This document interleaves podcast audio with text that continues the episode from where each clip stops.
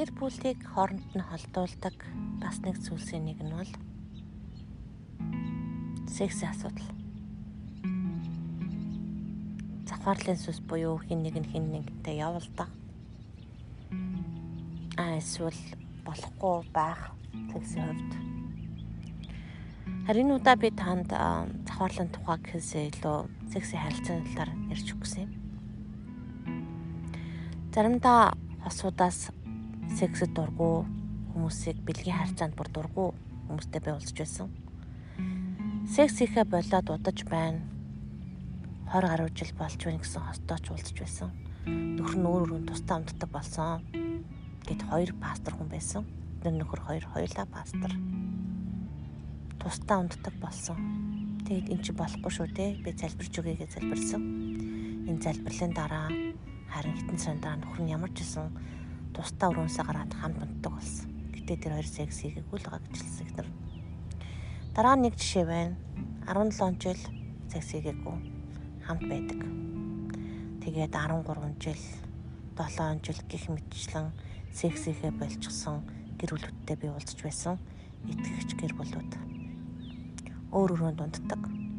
Эсвэл нэг өрөөнд унтсан ч ерөөсөө бэлгийн харилцаагүй болсон Нэг жишээ нь гэвэл нэг эмэгтэй нөхөр нэг удаа согтоо уржээд баг муухай хүчнэсэн.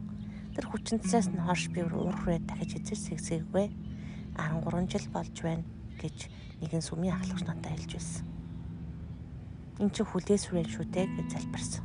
6 7 сар болж байгаа хүмүүс эсвэл ажлын зөргнөөс болоод хийхэ болцсон. Ихэнхдээ секс бүр дургу болоод бүр хүн дээр өд буруу зүйл гэж боддог болсон юм шиг санагддаг тэр хүмүүсийг залбирх үед Тэгээ сексийн хувьд ханамжгүй хоорондоо бүр уучраа олохгүй хийхгүй байх нь гэр бүлийн салалтанд болон гэр бүлийн тэр нэг сүнстэй нэг бие махбодтой байх харилцаанд үнэндээ нөлөөлж байдаг. Тэгэхээр хэрв та тэгэхээр ажлын хандлагаас болоод секс хийхгүй байна уу, дургуйдээ хийхгүй байна уу, эсвэл бүр сексэд дургуй байна уу гэдэг чинь өөр нэг асуудал. Хизэнээс тургуу болсон гэдгийг олж мэдэх явдлыг чухал шүү. Яг үнэндээ бурхан сексийг бүтээсэн. Тийм ээ, та зөв сонслоо.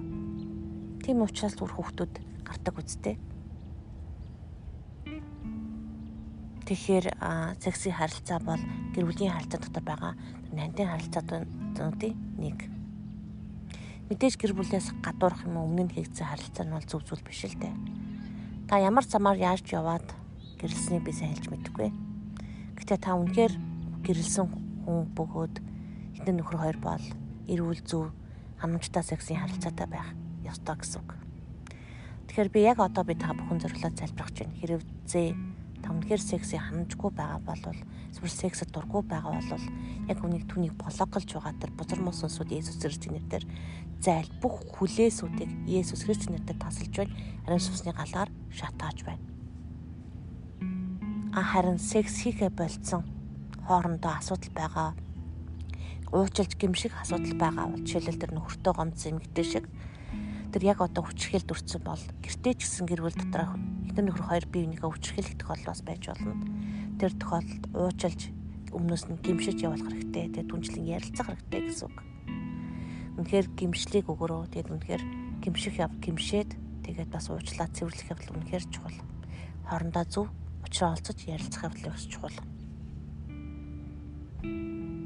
Тэг ямар ч байсан гэсэн гэр бүлийн харилцааг салах гэж оролдож байгаа Иесус Христийн Бурхны нийлүүлсэн хинч бүс салгах гэдэг нэг бий болсон гэж хэлдэг тийм. Энийг салгаж байгаа бузар мос сүнсүүдийг Иесус Христийн нэрээр хөөх хэрэгтэй. Үнэхээр анханасаа дурггүй бол яг юунаас болж дурггүй байгаа вэ гэдгээ олох хэрэгтэй. Энэ бол их чухал зүйл шүү. Тэгээд үнэхээр гэр бүлийн зөв харилцаатай байх нь зөв зүйтэй зүйл. Би энэ зөв эрүүл сексийн тухай, эрүүл бэлгийн харилцааны тухай ярьж байгаа гэдгийг сайн зөв ойлгоорой. Тэгээд хэрв тийм байгаа бол бас хагас өдрийн минь хичээлд оролцоороо. Тэгээд бас миний подкастыг сонсож байгаараа үргэлжлүүлэн